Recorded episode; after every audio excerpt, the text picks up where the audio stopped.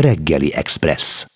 Minden, ami kultúra. A reggeli Express mai vendége Bódi Kinga művészettörténész, a Gerhard Richter Valós Látszat című kiállítás kurátora. Jó reggelt kívánok! Jó reggelt kívánok, köszöntöm a hallgatókat. Augusztus 27-től ugye a világhírű kortás német képzőművész műveiből nyílt egy kiállítás, a Szépművészeti Múzeum, illetve Magyar Nemzeti Galéria közös kiállítása ez? Valóban a Szépművészeti Múzeum és a Magyar Nemzeti Galéria kortás német sorozatának a negyedik állomása, a kiállítás egyébként a Magyar Nemzeti Galéria ájépületében látható fönn a Budai Várban. Ez egy tíz éves múltra tekint vissza valójában ez a sorozat, és nagyon büszkék vagyunk, és nagyon örülünk, hogy tíz év alatt négy ilyen nagyszabású kiállítást tudtunk megrendezni. 2012-ben talán emlékeznek a hallgatók Günther Ükkel tárlatával indítottuk a sorozatot, 2017-ben Jörg Immendorf művészetét mutattuk be, 2017-ben Georg Bázelit következett, és most 2021-ben Gerhard Richternek szenteltünk nagyszabású tárlatot.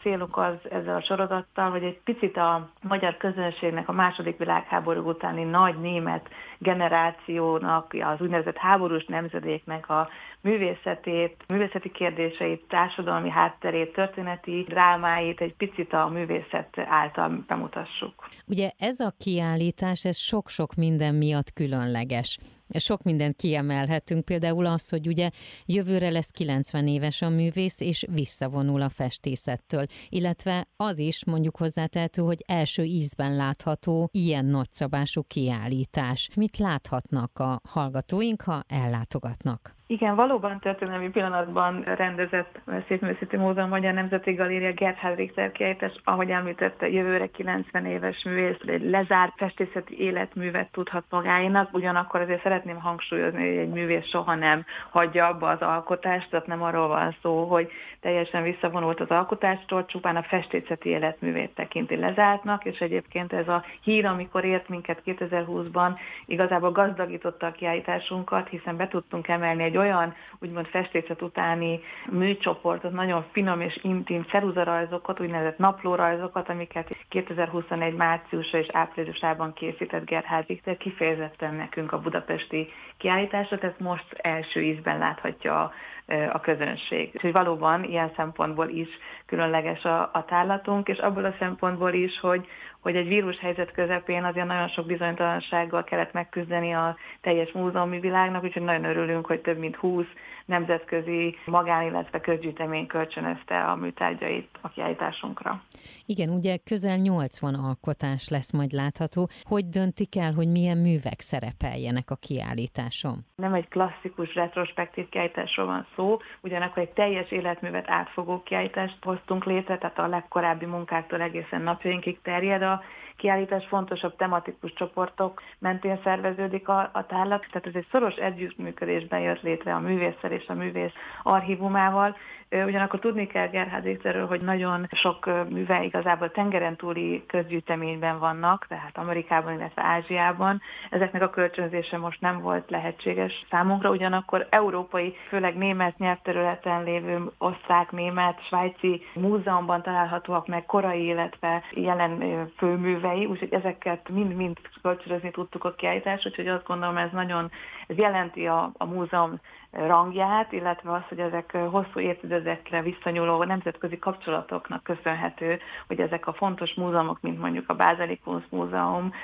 vagy a Düsseldorfi Kunstpalast, vagy, vagy a Bécsi Albertina kölcsönadta a kiállításunkra a főműveit Gerhard Richtertől. Hány műve készült a művésznek? Több ezer műről beszélünk, tehát több mint három ezer mű az, amit ez a gazdag életmű magáénak tudhat. Ebbe ugye azért nagyon változatos életműről beszélünk, tehát festmények, rajzok, üvegmunkák, fotómunkák is megtalálhatók, digitális printek, tükörmunkák, úgyhogy nagyon sok szempontból is sokrétű, tehát műfajilag és tematikailag is nagyon szertágazó életműről van szó. Ez a 80 mű, ami itt van, ez igazából több sorozat is van, több olyan műtárgyi együttes, amiben mondjuk 20-30-40 egység látható, tehát igazából több száz műalkotást láthatunk a kiállításon, de mondjuk úgy, hogy 80 nagyobb ilyen csoport köré szerveztük a kiállítást. A kiállításnak a címét, azt hogy találták ki? Ez igen, mindig egy nehéz kérdés, hogy egy kiállításnak hogy születik a címe, és általában ez a, már a koncepció, illetve a műtárgy állományosszállásnak a végén születik meg, de itt igazából az első percben egyértelmű volt, hogy ezt a valós látszat címet adjuk a kiállításnak, hiszen nagyon szépen visszatükrözi igazából azt, ami Gerhard Richteret foglalkoztatja 60 éve, a valóság és a látszat közötti határ, folyamatos elmosás, ugye a különböző realitások ábrázolhatóságának a kérdése, az adott pillanat megragadása és ennek a pillanat megragadásának a szempillantásra történő szertafoszlása, tehát igazából ő maga is mindig is úgy nyilatkozott a valóságról, hogy azok leginkább a kétségek, a szkepszis, az illékonyság, a törékenység szavakkal ragadható meg Richternek a viszonya a realitásokhoz, és itt, itt hangsúlyoznám a többes számot, hiszen ugye soha nem egy valóság van, és ugye tudjuk, hogy Gerhard Richter több politikai, társadalmi, gazdasági, kulturális rendszert közvetlenül is megtapasztalt, tehát a saját életében is számtalan változással, fordulattal, traumával és tabuval szembesült, és éppen ezért a festészetének eszenciáját, vagy erejét, mondhatjuk így éppen ez az analizálása, mindennek a megkérdőjelezése és az azokból fakadó folyamatos továbblépés igénye adja. Ugye a Magyar Nemzeti Galériában november 14-ig látható a kiállítás. Lesz-e kurátori tárlatvezetés? Nagyon sok programmal készülünk a, a kiállításhoz, lesznek kurátori tárlatvezetések, számtalan kortás magyar képzőművész, művészettörténész, teoretikus szeretnénk fölkérni arra, hogy tartsanak előadásokat, rendkívül rendezvényeket, tárlatvezetéseket, hiszen azt gondoljuk, ahogy egyébként ez a sorozat eddigi részeinél is volt, hogy egy kiállításhoz ez a kontextus, a történelmi és teoretikus kontextus nagyon sokat hozzáállt, hogy egy picit jobban megértsük nem csak a adott művészt, hanem azáltal azt az egész társadalmi és európai teljes 20. századi festészet, illetve művészet történetét azáltal, hogy több szempontból megvilágítjuk ezt, hiszen teljesen más egy művészettörténész nézőpontja, mint akár mondjuk egy alkotóművész, és az is nagyon érdekes, hogy a, a kortás magyar művészek hogy látják mondjuk Gerhard Richtert, hiszen összeköt azért egy közös közép-európai múlt vele, hogy Dresdában született, és az élete első